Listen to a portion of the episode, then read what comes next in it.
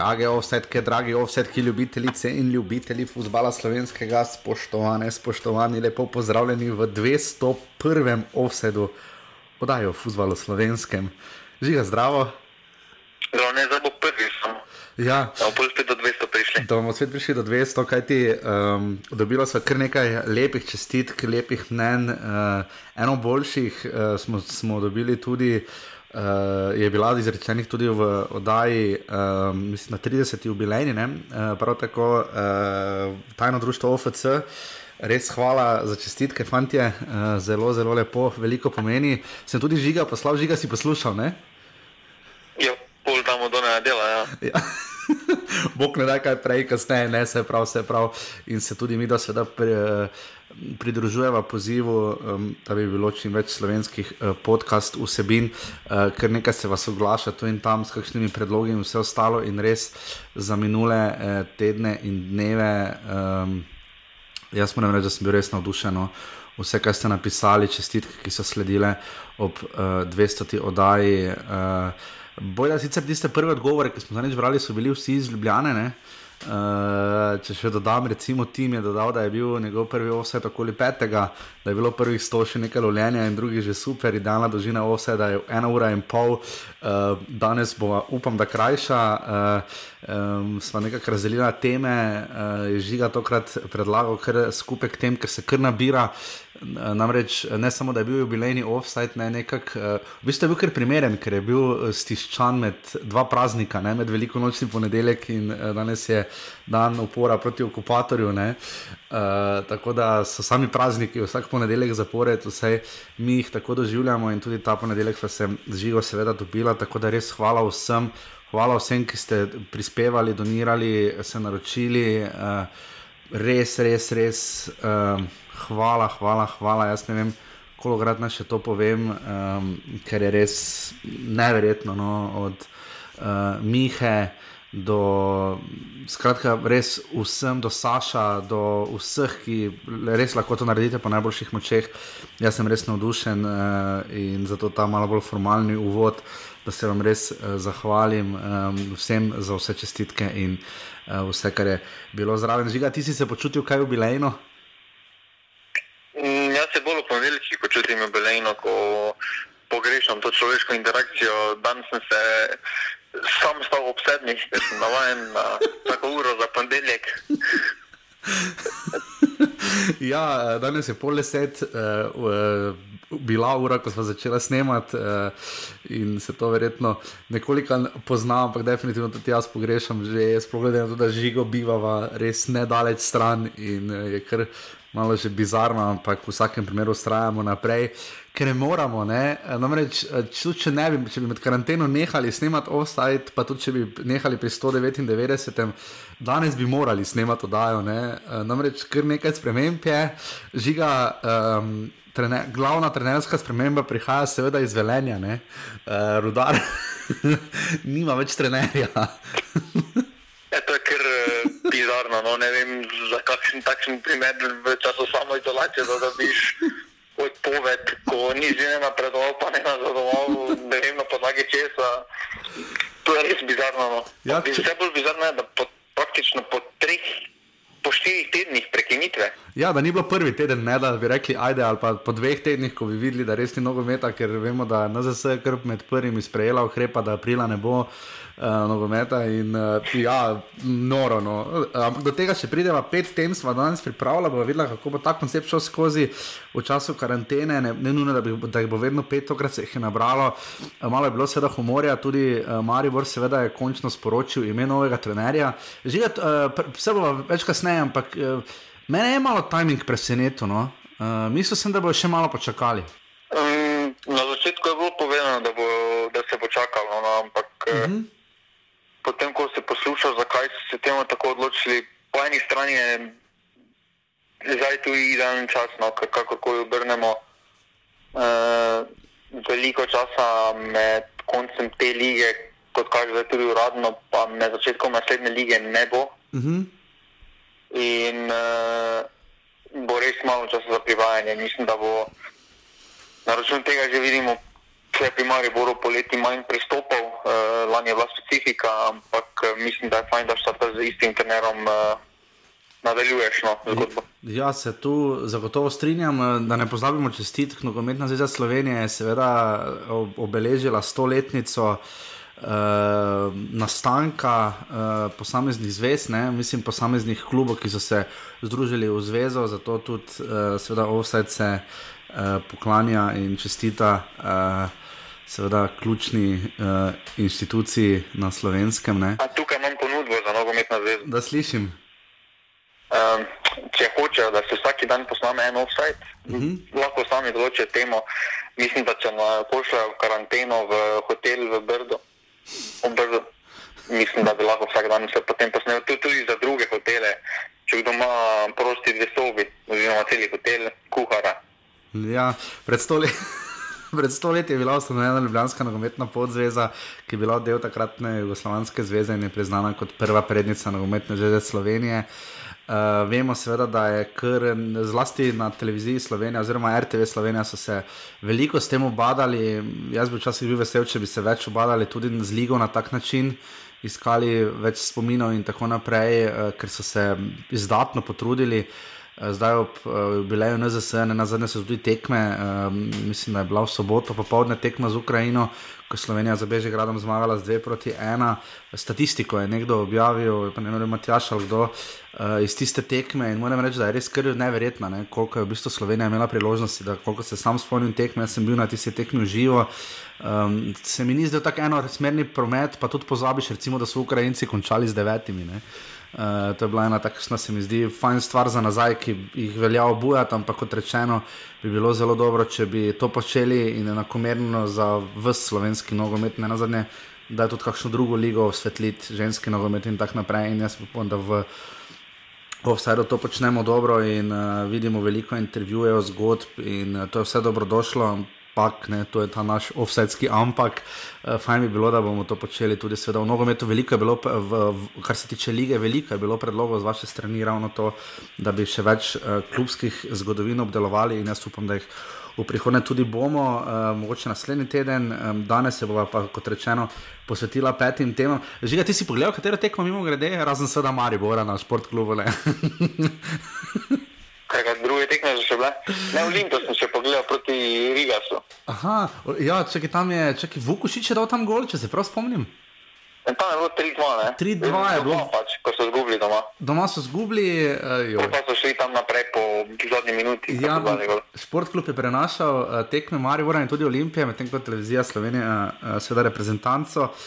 Um, ne, mislim, da vseeno bi lahko nogometna zveza. No, RTV Slo, oziroma tisti, ki so pač v tem trenutku imeli pravice, recimo 24 ur pop TV, bi lahko m, tisti derbi 3 proti 3 uh -huh. uh, ponovili. Uh -huh. Uh, potem tistih 2-2 v Stožicah, uh, tisto Mariborsko tekmo, ko je proti 12 igralcem celja igral in tako naprej. No. Ja, bi definitivno, če so se že odločili, da se potem tu ravno pokaže, ker ravno to je včasih problem, da se zdi, da se uh, nesorazmerno veliko prostora daje. Um, mogoče včasih reprezentanci, ne pa klubom, iz katerih so praktično vsi reprezentanti, razen Kevina Kampla, izhajali v zadnjih letih. Um, tako da res hvala vsem, ki sodelujete v skupini Passivni Offside, res vas je fajn brat. Uh, vse predloge, kar napišite, bolj bo v domačem futbalu, boljše bo in bomo z veseljem kam menili tudi v prihodnih oddajah. Zdaj pa greva na uh, naše današnje teme.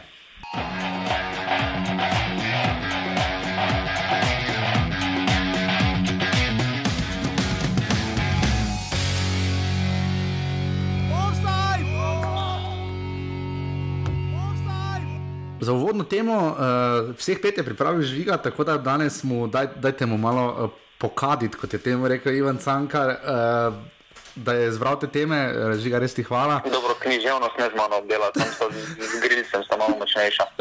to je res.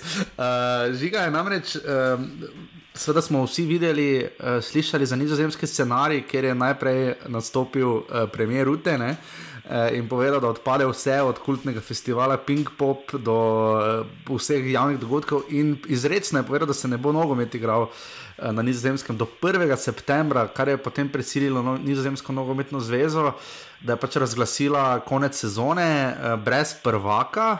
Uh, Obenem pa seveda so povedali tudi, da so izbrali že klube za Evropo in povedali, da noben ne izpade, sem to že ga si prav zapomnil z glave. Ja. Um, zdaj, naše vprašanje je, zdaj pri Nizozemski je bilo malo nenavadno to, da so se za to pač odločili, glede na to, prvaka res ne bi bilo fair razglasiti, ker sta Ajax in AZ imela enako število točk ne, uh, na vrhu, uh, na dnu pa tudi potem, um, recimo. Uh, je kar situacija, in pa vem, da sem bral eno zgodbo, da so v drugi ligi nizozemski potem klubi krbentili, ne, ker so se zelo, zelo, zelo so se prizadevali za vrsto. Tudi uh, uh, oziroma ja, uh, Ultra tudi je uh, Mentino. Ja, ki je bil šesti. Ne, in, uh, pa ima tekmo manj po finalu. Pa ima tekmo manj po finalu, kaj pokala, ne, kraljevega, ja. nizozemskega. In, žiga, ali lahko gre Slovenija po, po nizozemskem scenariju zaključevanja lig? Uh, da, najprej takrat. Jaz tudi mislim, da ne, da je negativne stvari takšnega početja, ker se oba strinjava, da to ne samo da ni prav, ampak konfuznost uh, zbudi. Uh, negativno je kaj najprej? Ja, negativno je, na, se meni zdi najbolj uh, na nivoju države, no, na nizozemsko, kot vemo, um, je kar čakala že s temi ukrepi, oziroma ni dala niti ukrepov, kot je dala bolj priporočilo. Na začetku ni tako ostro nastopila kot uh, Slovenija, Avstrija, Nemčija in podobno. No. Uh, in na začetku so bili kar pozitivne informacije tam, potem pa iz tedna v teden praktično slabše. No. In uh, to, da so potem razglasili, razumem, da vse dogodke do 1.9. brez gledalcev, mislim, da to se bo večina evropskih držav posluževala, no vse po moje. Uh mhm. -huh. Tega, ampak uh, kakšen signal se pošilja športnikom, klubom, sponzorjem, eh, no, kak, kak, kak, potem televizijskim pravicam, TV hišam, eh, podpornikom eh, nogometa na nizozemskem. Mislim, da tukaj to ni prava rešitev za, takš, za takšne vložke, ker se eno nizozemska. Nizozemski klubi vlagajo veliko v mhm. nogometno. Mm -hmm. Ja, mislim, ker kaj si predstavljam, predstavljam si, če bi nekdo to v Sloveniji se odločil in bi NZS eh, sporočila, ok, eh, liga je končana, nijamo prv, ali pa imamo prvaka, nimamo prvaka, bla, bla, bla, podobno. Uh, se vidimo po 1. septembru, zdaj ok, mi da bi verjetno osed snemala še naprej, ne? ampak jaz, če se postavim v to kožo, bi mi zanimanje za futbal padlo pod nulo.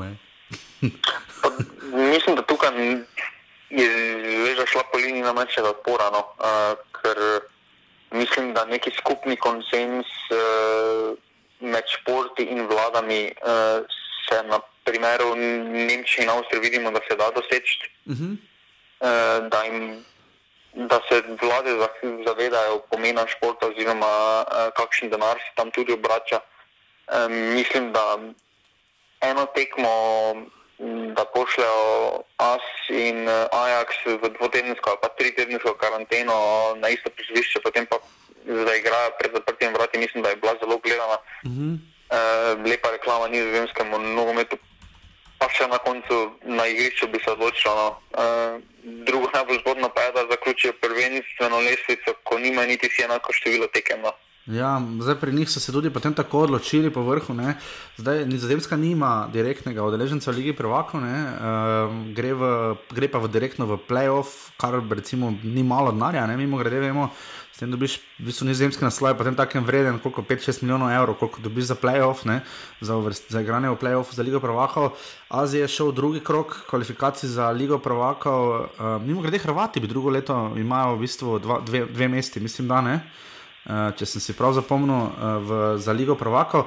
Feyenoord, ja, Feyenoord šel, gre direktno v Evropsko ligo in potem PSV in Vilem, eh, Cvol, kako se to izgovori, gre sta v tretji in, oziroma drugi krok kvalifikacij za Ligo Evropa in Utrecht je potem izpadel in vemo, da so pač te njihove kalkulacije izpadle in pa seveda niso vsi klubi, kot je Žiga povedal, odigrali 26 tekem. Uh, zdaj, pri, zdaj Tu se vidi, da nizozemci, ki so mimo grede med štirimi državami, ki ne želijo, da bi, si, da bi dobili denar, vse tiste, vse tiste države, ki ga potrebujejo, mislim, da so Nemčija, Avstrija, uh, še nekdo, pa nizozemska proti temu, uh, proti korona obveznicam. Um, zdaj, nizozemci so potem to sporočili, tu se vidi, da so se nekoliko po narekovaj ustrašili UEFA. Uh, Kako vidimo ta del žiga, da vseeno je tu UEFA neka varovalka, neka kolektivna neka stvar, da se ne bi države odločile same po, po, same po svoje? Mm, pa mislim, da je UEFA tukaj nastopila mm, zelo, je šla zelo nasproti klubom, no zavedajo se pomena, ker hvala Bogu, da se je to zgodilo na nivoju. Uh, Na rekovajih manjše države. Predstavljamo si, da bi se ta primer zdaj zgodil v Španiji, kjer bi Eh, zaključili prvenstvo Barcelona, pa Real. Mislim, da bi oba ta imela marsikaj povedati preko, uh -huh. uh, tudi malo bolj medijsko. Eh, Podobno gledam sta, ampak mislim, da je UEFA tukaj šla, ko je predstavila praktično vsa tekmovanja uh -huh. uh, pod svojim okriljem, tako mlajše selekcije kot članske selekcije, kot so predstavili začetek lige prvakov.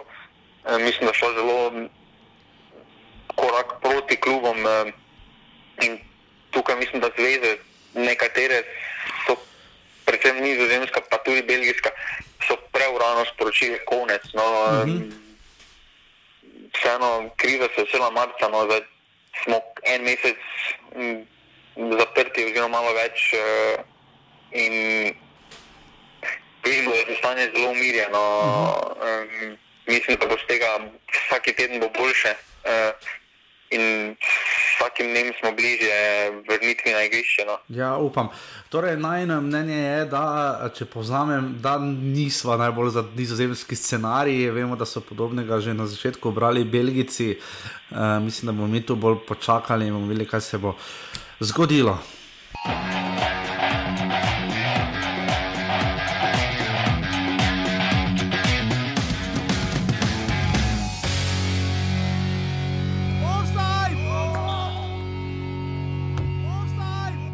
Kar ostala pri koroni in se, um, rekel, skoraj se nekaj pozabavala, pa se ne more, niti ni smešno. Ne? Eh, z seveda tem najbolj realnim scenarijem, ko beremo, ko sem zadnjič bral uh, od Sidalova v Guardianu, kako naj bi izgledalo v Španiji. Uh, ko se bo začelo, ko bi se začeli malo militi ti uh, ukrepi, je bilo kar malo bizarno. No. Igralci bi morali, ne vem, uh, kar opremo stran metati, uh, vsak se svojim avtom na trening pripeljati ali tekmo, uh, najprej 2 po 2, 3 na 3, 5 na 5, 7 na 7 in tako naprej. To je bilo kar bizarno za bratno. Um, zdaj, že če je pri igralcih tako, razhoževati se v stadion in ti ukrepi vsi vemo, ne bomo šli v spornost posameznih ukrepov, glede na vsako državo, ampak tu je seveda ključno, kaj nogomet z igravci. Jaz sem to že parkrat povedal, vse do en, dva kroga bi še vsi mogoče gledali. Potem pa gledate te katedrale in prazne stadione, se ste lahko slišali, Matjaža Keka, še enkrat hvala, da je bil naš gost prejšnji teden. Um, je pa kar bizarno. Uh, in žiga, jaz res nisem fan tega, da se, mislim, naj se odigra, če se nujno more, uh, boljše kot nizozemski scenarij, ja, vendar tu je velik ampak. Jaz imam celo pomislek, da možno, da mogoče celo več, do naslednje pomladi ne bo gledalcev na stadionu. To je moj, moj občutek trenutno. Kaj ti meniš? Mm, pa dobro, mislim, da do, um, do septembra zagotovo ne, potem pa po moje. Res se zna zgoditi do, do pomladi, da bodo potegnili do konca leta. E, tukaj v Sloveniji je pa specifična situacija, ker e, za razliko od drugih držav te pravice ne smejo igrati nobene vloge, ker e, s takšno količino denarja, kot ga e, vlagajo, ne bi smeli imeti pravico odločanja, ali se sme igrati ali se ne sme, ali se naj ne igra. E, Ampak ja, samo osebno sem pripričan, da bi bila gledanost uh, enaka, pač odvisno, kako bi bila napeta liga. Mislim, da si vsi malo drugače predstavljamo vrnitev športa. Uh, na začetku prvi mesec bomo videli uh, zelo veliko lovljenja, uh -huh. marsikatere igralce bomo s kakim tuškim trbuškom. Uh, sploh v nižjih ligah, eh, mislim, da bo to kar pogosto pojav. Dobro, tam je to, je uh, redni pojav. no, ampak eh, zdaj že Slovenije, recimo v kakšnih nižjih slovenskih klubih, eh, v spodnjem delu prve lige, pa mogoče druga liga, mislim, da bomo našli kakšnega posameznika, eh, ki še ni najbolj pripravljal vmes. -huh. uh, ampak vseeno mislim, da bo kakorkoli to fajn uh, dejavnost, katero bomo lahko pozabili. Uh, Vse te gobe, ki se dogajajo. Ja, zanimivo, tvoje, tvoje premise je bila, ne, ali nam je v tem trenutku celo že vse eno, samo, samo da se igra. Torej, Jaz sem zadnjič malo celo pogledal Belorusko ligo in vidiš, kako fez pogrešaš nogomet, ampak kmalo rad, a dolg čas ne. Um, pa, da bilo rusko ligo, ti je postalo moj dolg ker nisi tako čustveno navezan. Ne? Zdaj, kot bo tvoj rudar zaigral, uh, mislim, da boš pogledal celo tekmo, pa tudi če bo igral proti tabor sežani. Ja, je pa tudi fajn seveda to, ne, da. Um, Da, ko sem mislim, že omenil, da boljše gledati za tekme, v bistvu raje bi gledal skidričevega tekmo, ker gledaš malo tudi naravo, pa okolje, ne kot če gledaš nek, neko zaprto katedralo ali ne vem, Santiago Bernabeo ali Etihad ali karkoli. Ne. Ali ne na zadnje tudi stožice in ljudski vrt. Uh, se mi zdi, da je tu ena prednosti, kar se tiče pa denarja, pa seveda zadnjič je zanimiva izjava, recimo bila Igorja Kadunca v večeru, mislim, da.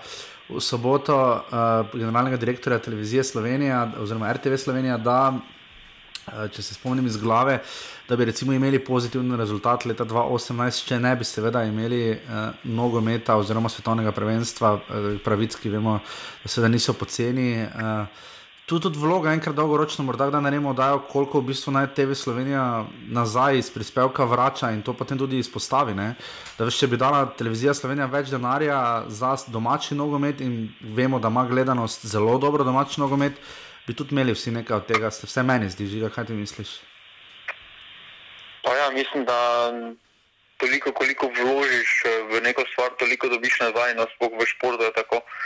Um, zdaj, vsi uh, radi po, ponavljamo, uh, da bi radi uh, imeli bolj kakovostno ligo, uh, več kvalitete. Um, mislim, da bi da tukaj prevelika uh, naloga, preveliki pomen, po moje, uh, vlaga, bo kljub, mora kljub to pa to narediti. Mislim, da je tudi tukaj nogometna zveza uh, s svojimi sponzorji, uh, ki mora se zavedati, uh, začeti zavedati večji pomen uh, slovenskega klubskega nogometa in se temu primerno tudi v finančnem smislu odlašati. No.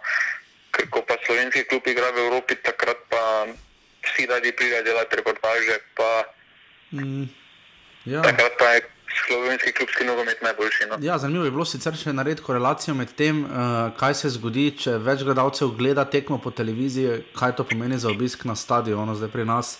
Vprašanje, kakšno korelacijo ima, zdaj, če sodiva po derbi, nima nobene. Ne, oziroma, uh, več, ko bo ljudi na stadionu, več pogledalcev pred televizijo, ne obratno. Prej, prej če že tako, čeprav bi se dalo na čaj tu mes postaviti. Do, dobro, tukaj misliš, eh, da bo mogoče ta čustvena navezanost eh, igrala takšen pomen. Mogoče bo marsikdo rad pogledal, da bo si rekel, zaradi stadionov, zaradi okolja, ki ga že poznaš, mogoče uh -huh. tekmo več. Uh -huh. ja, po mojem, ja, po mojem, ja, po mojem se zna to zgoditi. Bomo videli, ne vemo, kakšno je stanje pri nas TV pravicami. Jaz mislim, da petmestna številka, dobro, zdaj bo številke itak padle, ampak jaz mislim, da je bila petmestna številka um, v evrih za vsak klub za celo sezono. Jaz mislim, da je to kar žalitev za slovenski futbol. No. Um, mislim, da bi celo kakšni drugi športi z panožnimi ligami uh, bili razočarani, če bi dobili takšen znesek. Ne.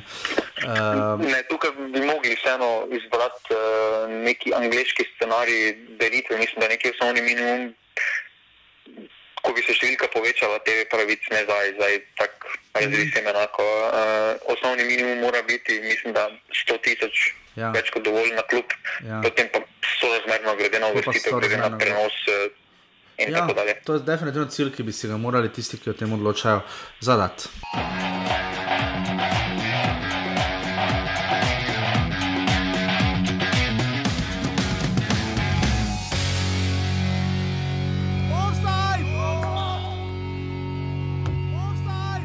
V bistvu ga še sploh nismo omenili, dame in gospodje, osetke in osetki. Sergej Akirovič je seveda nov trener. Sergio, ja. Samo, vsakeč, ko še rekel Sergio, sem tako spomnil na kultnega tržaškega James Bonda, Sergio. iz kultne plošče skupine Zmelko, Čiko pa in Pako in fenomenalnega komada, ampak Sergej Jakirovič. Dobro. Potem je že Sergej, Sergej Akirovič, Sergej, samo mora biti kakšna tekma, najprej, da mu damo legitimno zdaj, da bo vse do ne. Uh, mislim, dobro, za legitimne. Uh, legitimno zdaj, je imel samo Aljaš, je imel samo Aljaš Ivačič Ivke, on je, on je edini. Ne? v kultni epizodi. Mislim, da mimo grede eh, navijači Olimpije zbirajo, uh, nisem potem pogledal rezultate, ampak oni zdaj že nekaj časa tudi zbirajo najboljše igralce v eri Milana Mandariča. Mislim, da vse se reče po komentarjih, Ivačič uh, ogromno glasov dobil uh, v uh, njihovem izboru. Ampak kakorkoli, Sergej Kirovič je torej prišel v Maribor, uh, imenovan je bil četrtek, če se prav spomnim. Uh, potem so bile prve predstavitve, intervjuji, do tega še pridemo.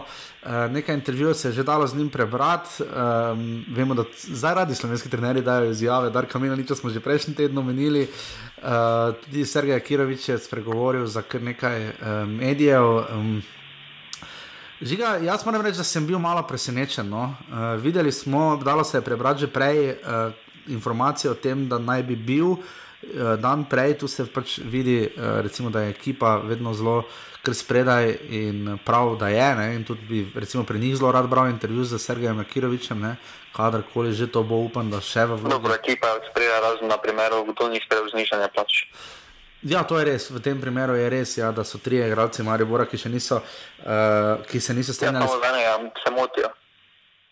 No, dobro, bomo prišli še do tega. Sergej Kirovič, torej, uh, v bistvu je.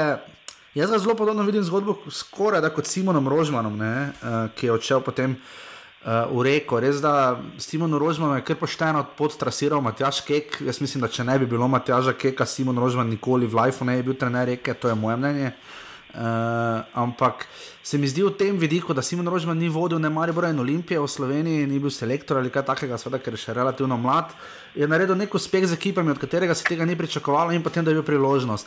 Sergej Kirovič, vemo, je z HNK Gorico, um, kjer je bil trener 616 dni. Uh, redno ščipal točke štirim velikim, torej Dinamo, Hajduku, Reki in Osijeku. Uh, in potem, v bistvu, s to gorico prišel do petega mesta, kjer so apetiti v tem tik pred Zagrebom, ne, velika gorica, kraj, stadion s 5000 gledalci, mislim, da. Uh, In je potem klub spravil do točke, ko so klubski veljaki želeli, da bi klub spravil v Evropo, ampak potem sezona ni šla v tej smeri, imeli so težave tudi v pokalu. Uh, res je, Jakirovič imel koliko ogromno tujcev, mislim, več kot 10, ne, uh, 12 ali koliko tujcev. In je uh, zelo upozoril na sebe, pravili so jim uh, Hrvaški atletiko Madrid, uh, njegove izjave so kar kultne v nogometu, da raje igra na gol več in tako naprej, kar mi je prejšnji teden vse tudi posredoval žiga sproti. Um, Koliko je presenetljiva odločitev? Jaz moram vseeno reči, da za mene je zelo, je pa hkrati tudi zelo razumljiva odločitev.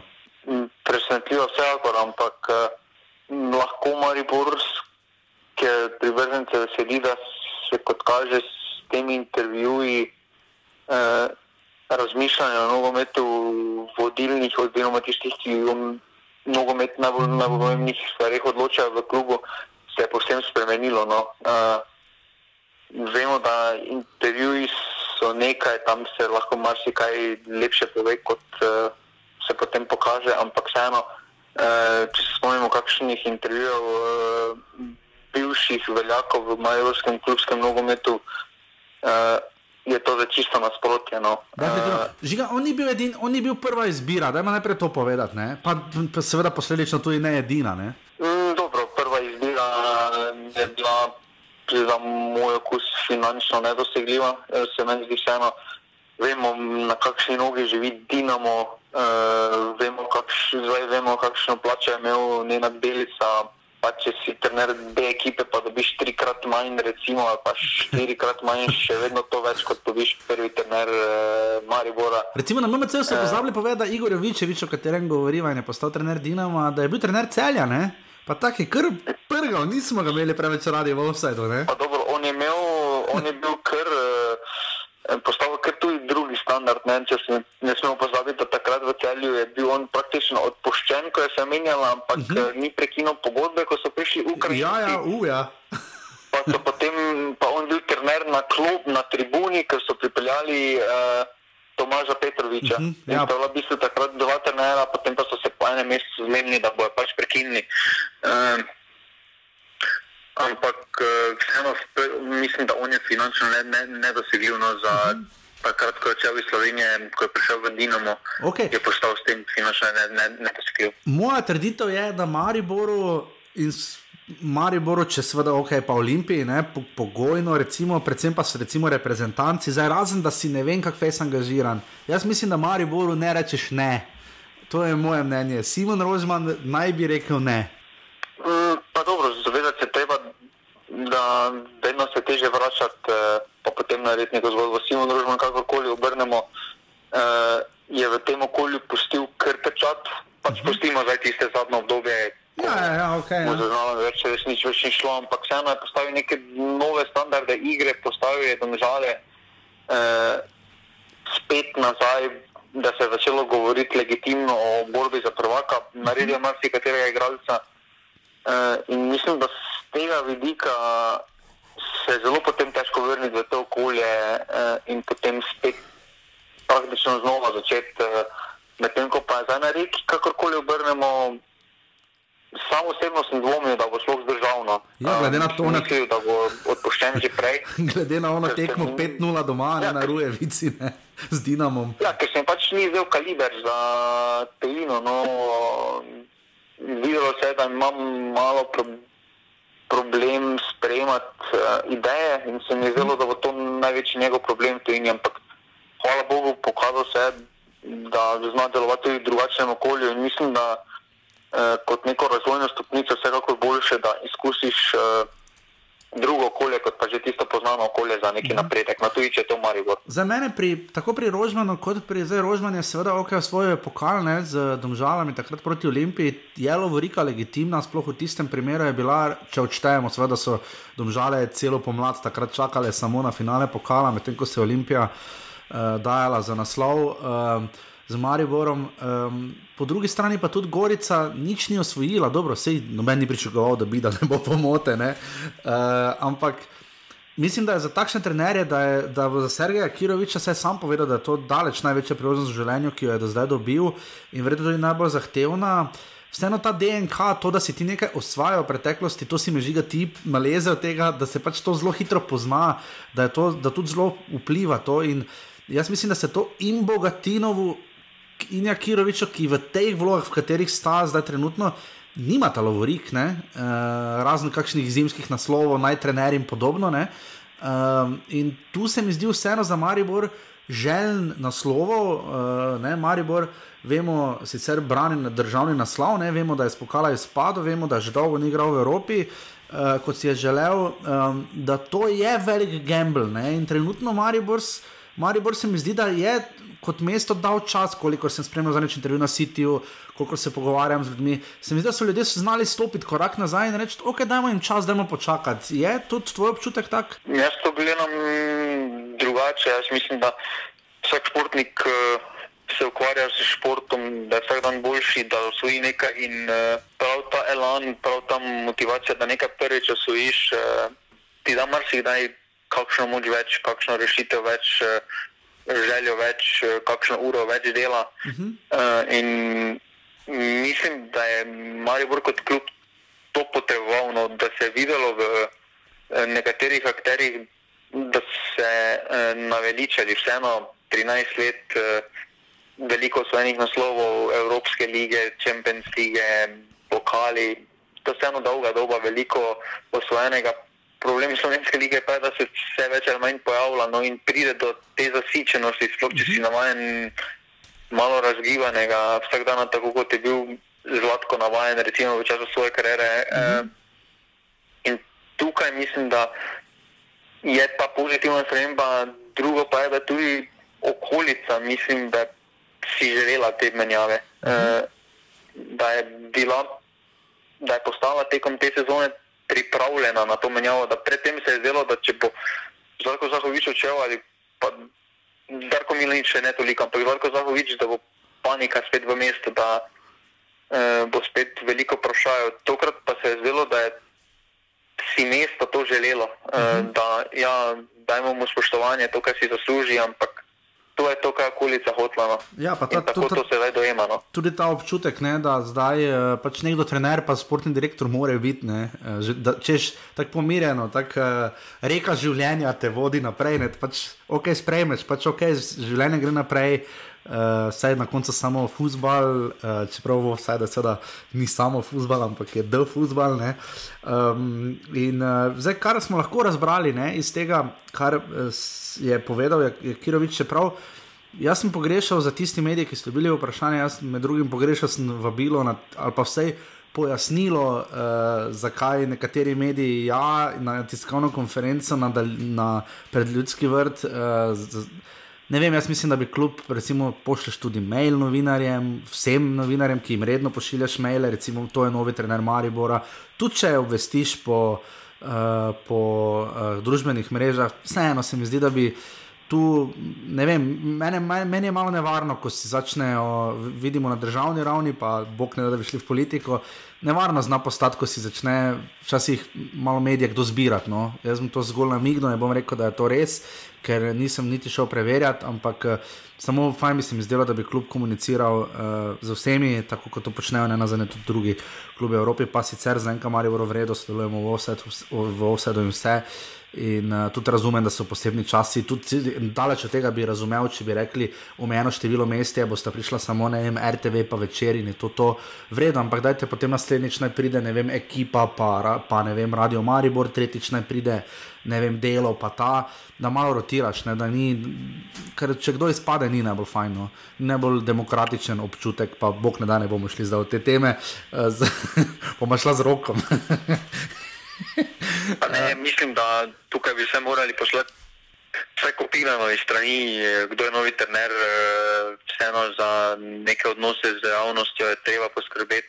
Ja, jaz pač tega imela. Brez medijev ni kluba, brez klubov, ni medijev, to je sorazmerno. In tukaj malo več solidarnosti v slovenskem športu, malo več odprtosti, se bo treba počasi navaditi, no, ker uh, vsi bi radi, uh, vsi klubi bi radi čim več pravic, od, uh, čim več denarja od TV pravic, uh, po drugi strani pa bi dali isto, če ne manj kot zdaj, uh, od izjav do prispevkov, do pokritosti. Uh, to pač ne gre, če nekdo da več denarja, zahteva več uh, ja, je, valda, časa v valda. svojem mediju. In tukaj mislim, da bi to morali. Um, pa, misliš, da se Maribor odločil za Kiroviča, ker je finančno cenejši in je bogatino hotel spremeniti malo dinamiko strokovnega štaba? Ali... Uh.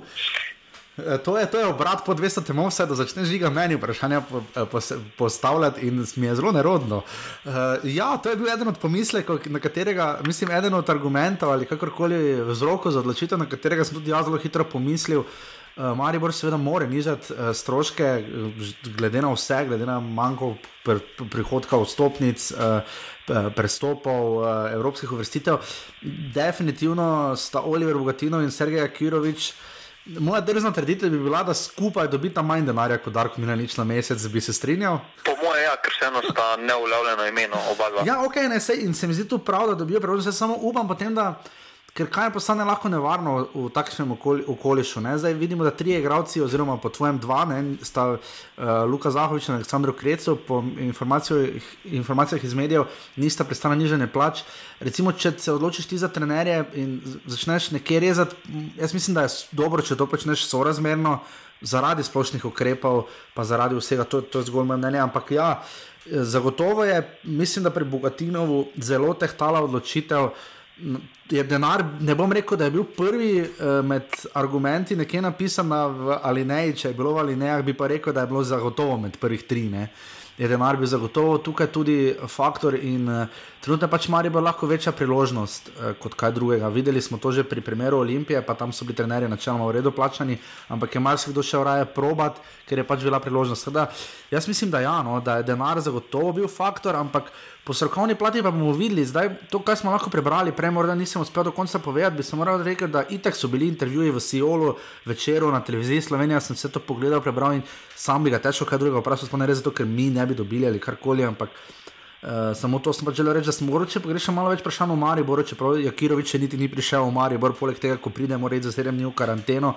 Ampak žiga, prebral sem, da gospod Rati igra z dvema napadalcema, Maribor to že dolgo ne počne.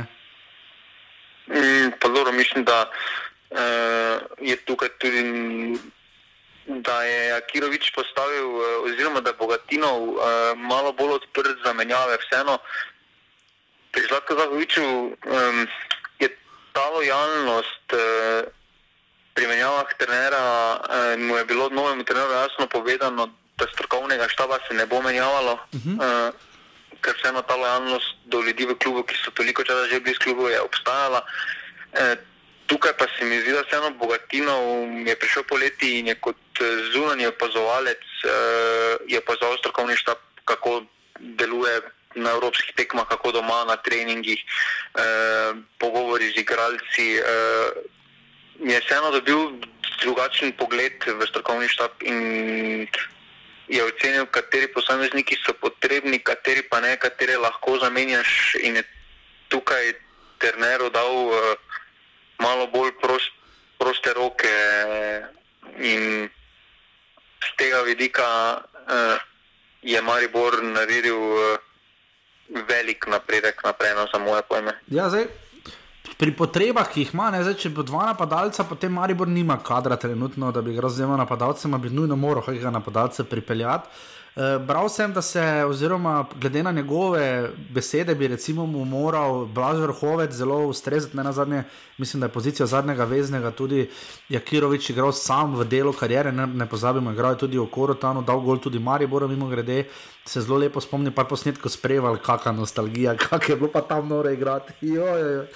Uh, ampak do Korotana še kdaj pridemo. Um, koliko misliš, da bo tu moral Maribor spremeniti se kadrovsko, ko, če bo možno, če računamo, da se dela to, kot se je delalo do zdaj? Verjetno bi za potrebe moral pripeljati kakega napadalca, še kdo bi moral verjetno iti. Kaj, kaj tu lahko še pričakujemo? Dobro, za potrebe mislim, da. Za potrebe takšne nogomet, ki ga hoče igrati, mislim, da je pol kadra moralo iti. No. Uh, uh, pri Gorici je igral tudi marsikdaj razliko 4, 2, 3, 1. Uh -huh. uh, in tukaj mislim, da bo um, napadalec, kako se mora pripeljati, sploh uh, glede na to, da Luka noče sprejeti uh, ponudbe znižanja in vprašanje, kaj se bo z njim zgodilo. Uh -huh. Ampak glede na stil nogometa, uh, mislim, da Maribor ima v kadru, takšen profil igralca, ki ga hoče, takega bolj tekača, eh, ki veliko virtuje, rad pritiska na nasprotne igralce. Mm. Mislim, da tukaj tudi se nova priložnost za Mešanoviča ja. ponuja, ki je bil zgubljen že na trenutke, ki je deloval, da več ima prihodnosti v Mariboru. Ampak eh, zdaj s tem stilom nogometa mislim, da bi se lahko spet našel, pa tudi Bajdej, eh, vemo, da s podobnim stilom nogometa pri Jurčiču je kar zablestevno. Uh, in tukaj mislim, da sta dva igralca, ki sta spet dobila neko priložnost več, uh, po drugi strani pa mislim, da se Vileru več kot očitno čas izteka, no, ker uh mhm. -huh. takšen stil nogometa, kolmaniča porine krvo od spredja. No. Uh -huh. Pa mhm. mislim, da tudi Špiro, glede na konkurenco pri Koblaru, bo zelo težko si ustvaril še neko zgodbo. Omenil si Žana Kolmaniča, ki ga že dolgo uh, nismo omenjali v offsajdu. Uh, vem, da eh, ima kar tako potetoviran, vem, da naj bi bilo nekaj razlogov, zakaj ne igra, ne samo poškodba, ampak tudi sicer.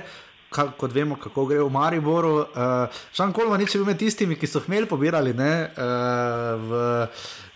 Pardon, niso pobirali hmelja, hmelja še ni, pomagali nastavljati, zato da bo imel zrasto, ni bila zimska trgatev ali pa pozno ledena ali kakršna koli zgodnja spomladanska. Um, Žan Kolmanič je bil, pa Gregor Bajde, mislim, če sem videl na posnetku, pa Marko Stavares, kako pa in pa Amir Dreviševič in pa Andrej Kotnik. Žiga. Pa zadnjo glas šla, da dobite vsake six-pack. No. ja, po moje so dobili vsi six-pack, sam uh, domen prevce, po moje dobil uh, maltne, po moje. No. Molt, ali kako koli se to naglasi.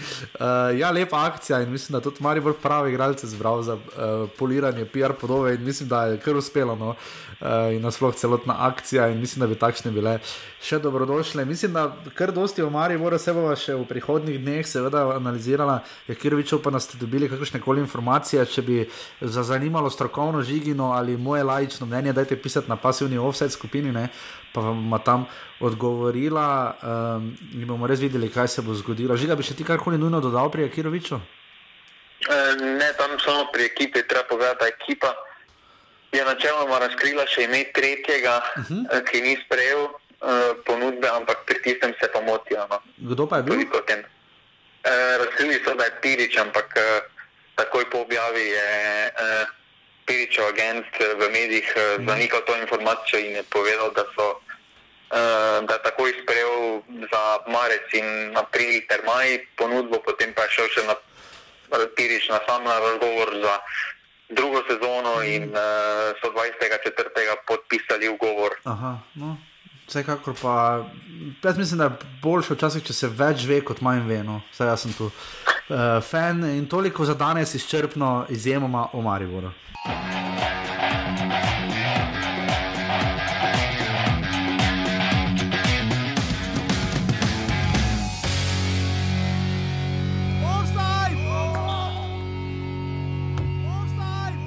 Smo pri seveda novih trenerjih, uh, čakamo na petega trenerja Velenskega rudarja. Uh, mislim, da je treba na Guardian the Knowledge poslati ali je možno, da je imela ekipa v eni sezoni več trenerjev kot zmakne. Recimo. Ker rudar nima nobene zmage, imel pa petega trenerja že ne. Um, Andrej Panadič ni bil dolgo trener rudarja, uh, imel je pa silovito voljo in pod njim je rudar začel, je na par točk vseeno nabral od. Treba. Pardon, jaz se moram, ker že vidim, kako žiga, vidim ga nadaljavo, kako se mi zavija. Uh, žiga, uh, odločitev se si že prej omenil, ampak je res šokantna, malo, da so se zdaj odločili za menjavo trenerja. Ne? Pa dobro, za menjavo trenerja ne rečeš nič, rezultati.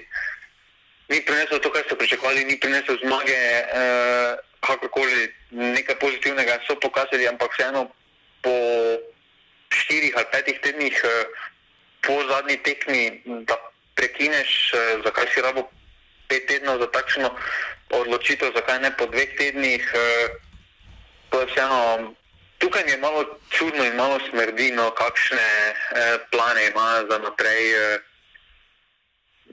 Rudar, ker vseeno mislim, da jim je zdaj ta korona res prišla prav.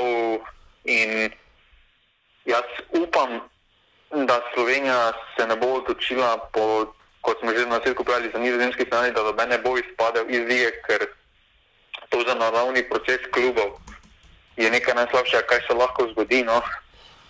Ja. Kakorkoli obrnemo, ena Koper Gorica sta veliko vložila v to, da gre ta više, oziroma da probata prid više potem pa za eno leto se vse skupaj predstavi. Mislim, da ni pravično, no, da vseh teh akterjev, po drugi strani pa en rodar bi se še eno sezono po domačem eno šlepo v prvi ligi.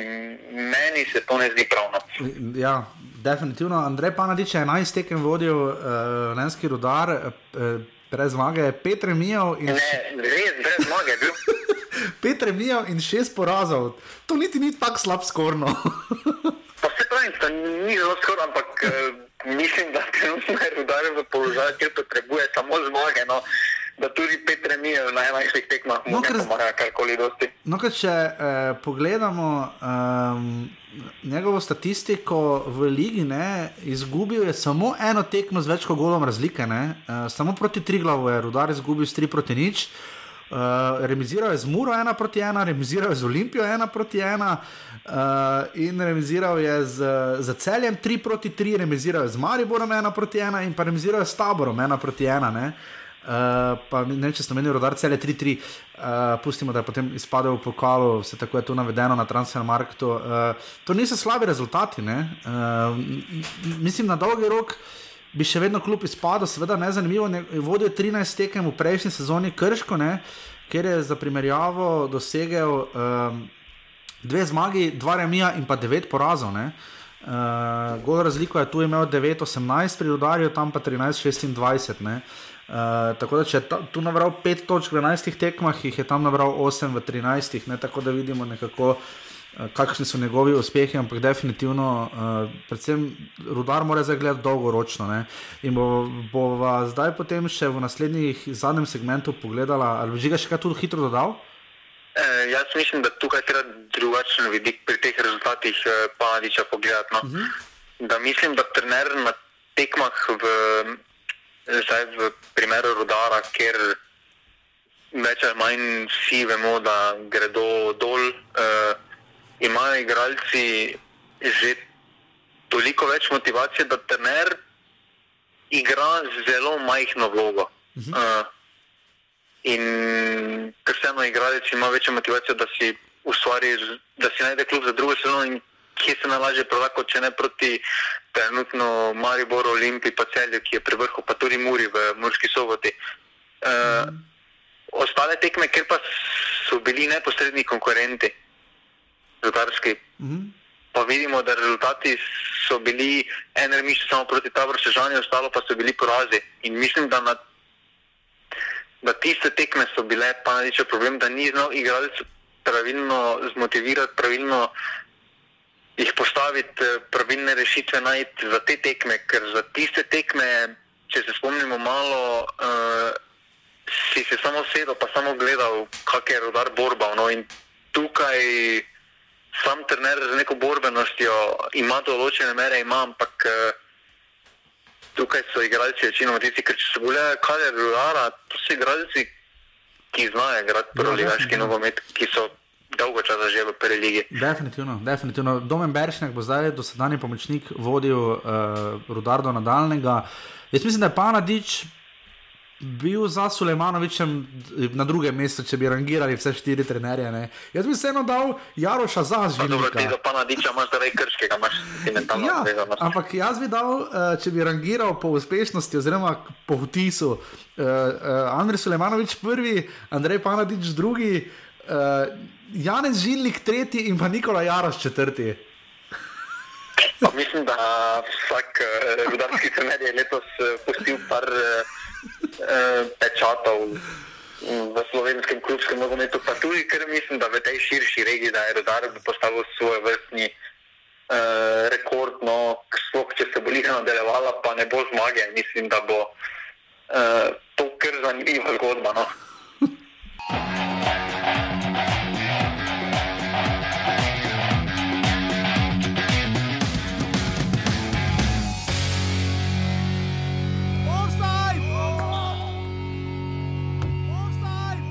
Imamo še, seveda, za konec kotiček, v bistvu se vrača, uh, ni tedna praktično brez domžal. Uh, Marci kaj bi se lahko reklo, Jaša se malo samo cenzurira, še vedno, ampak uh, vse bo prišlo na plan nekega dne. Uh, pač meni res ni bilo všeč, ko začnejo klubi kot so domžale jamrati, da bi država morala še bolj pomagati.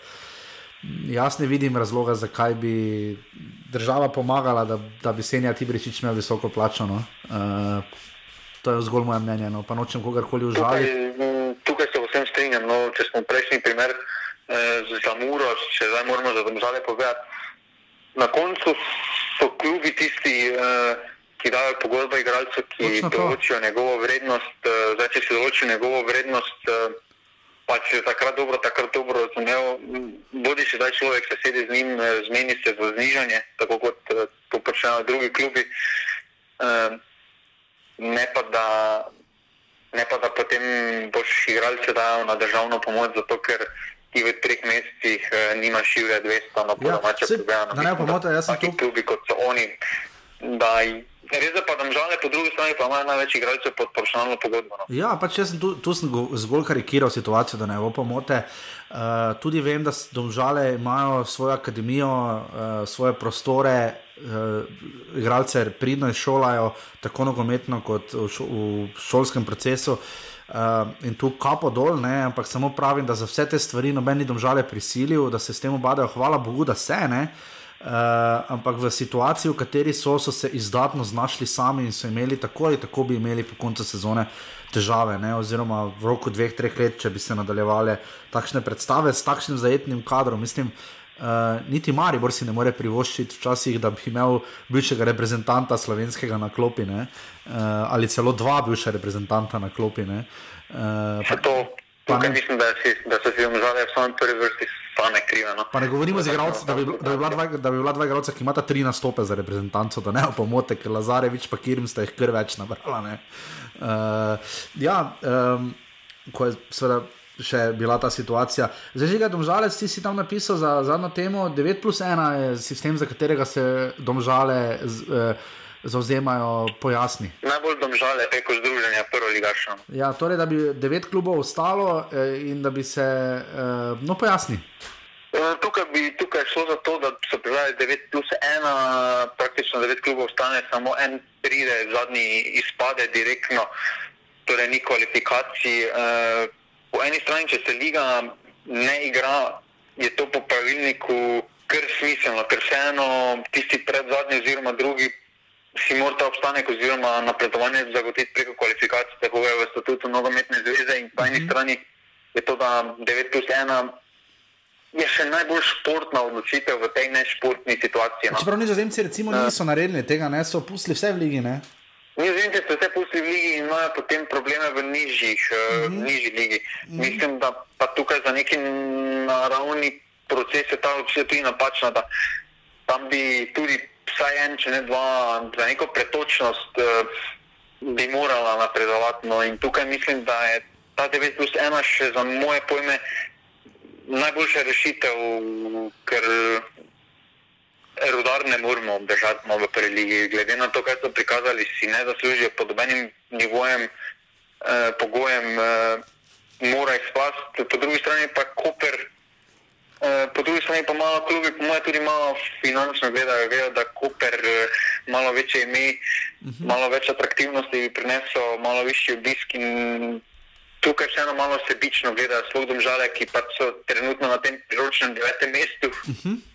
Tako so se zauzemali, uh, medtem ko se pa drugo liga še seveda zauzemajo za, za 10 plus 2, ampak uh, pri 10 plus 2 se pa pravi problem kako pa potem drugo leto, ali se bo obdržalo 12 klubov, ali se gre nazaj na ja, 10 pot... klubov. Ja. Če gre se nazaj na 10 klubov, izpade 3 neposredno, en gre v kvalifikacije. Ja. To je vseeno.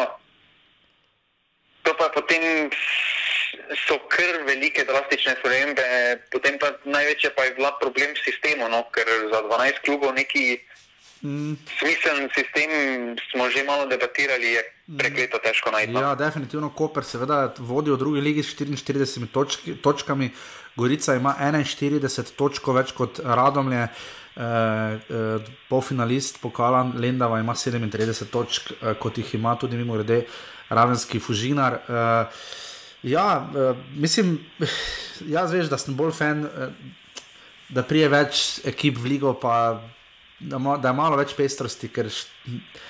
Tako sem že zadnjič omenil, to, da imaš ti 19 domačih tekem in vidiš samo 8 tekmecev, če, pa po možnosti, če dobiš istega v pokalu, da ne dobiš drugo ali tretje ligaša, ne, uh, je kar duhamorno na dolgi rok. Ampak uh, ja, jaz mislim, da letos verjetno bi se, ne vem, točno moramo po, pogledati, kaj bo tu menil rodar, ali se bi oni strinjali s tem, da kar avtomatsko izpadejo ali ne. Zdaj, glede na število točk, je jasno, da jim ne govori veliko v prid. Uh, Uh, je pa res, da eh, vprašanje, če bi se domžale tako glasno oglašale, če ne bi bile na devetem mestu. Um, recimo, Fer se mi zdi od Olimpije, ki pač recimo, večkrat smo tudi mi na manj reči slišali, pa uh, izgibe iz Olimpije, da oni bi radi sezono odigrali do konca. Uh, ja, ampak problem, pri tem napredovanju bo že po mojem druga liga se ne bo letos igrala. Na. Ne, druga Mislim, liga. Poskušali ne. samo prve lige spraviti skozi. Uh, In že tukaj bo problem določiti, ali je pošteno, da Koper direktno napreduje, ali zakaj ne Gorica. Vseeno, mm. Ni takšna razlika, kot si misliš, vseeno to ena, dve tekmi. Mm. Uh, in tukaj je potem tudi problem, no, uh, se pravi, ta situacija je najbolj nehvaležna tiste, ki se odločajo, ampak um, ta 9 plus 1 se meni zdi neka razumljiva odločitev med nizozemskim in uh, drugoligaškim scenarijem. No. In pa za konec, definitivno, da če bi uh, seveda igrala samo prva liga, ne, potem smiljan, meni je žal, ampak pokal odpade. Po moje bodo pa ti drugi, jaz sem samo postil. Ja, čakaj, uh, kaj torej Koper, mislim, nafta in radom bi se pripravljala za dve tekmi in to je to. za dve tekmi, za dve pripravljeni tekmi. Ne, za tri tekme, en, ne. En, ja, en, en, en za tri tekme, en še gre finale, ja, pardon. Ja.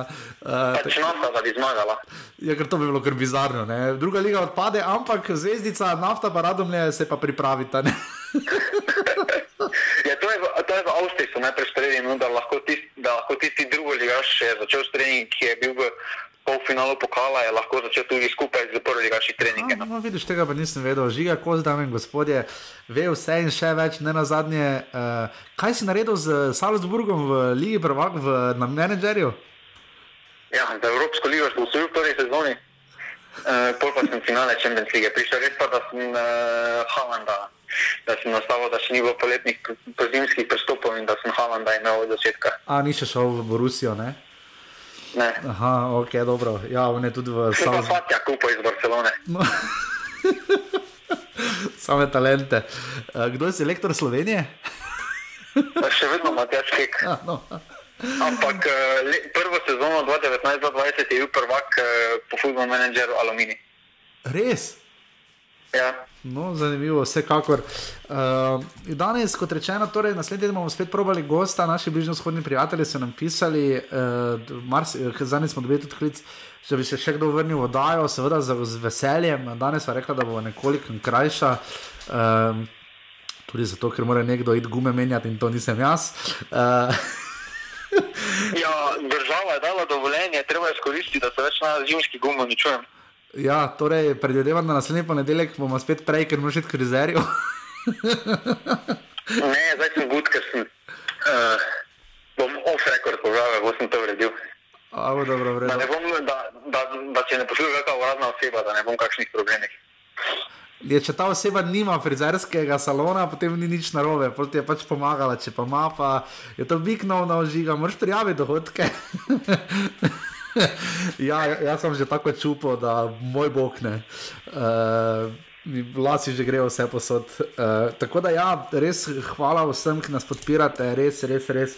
Hvala vsem, ki ste donirali, ki ste nam lepe čestitke poslali, uh, predloge za izboljšavo. Vse smo navedli, danes smo probali z malo drugačnim spet formatom. Vse vidite, da malo razgibamo situacijo in upam, da naslednji teden spet kakšen gost.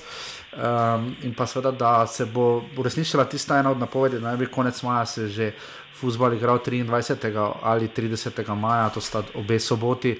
Um, jaz za enkrat nisem tako optimističen. No. Jaz mislim, da mislim, sem kar črno gledno, da sem raje postil za konec to. No. Kaj ti misliš, Žiga? Dobro, glede na številke novih primerov.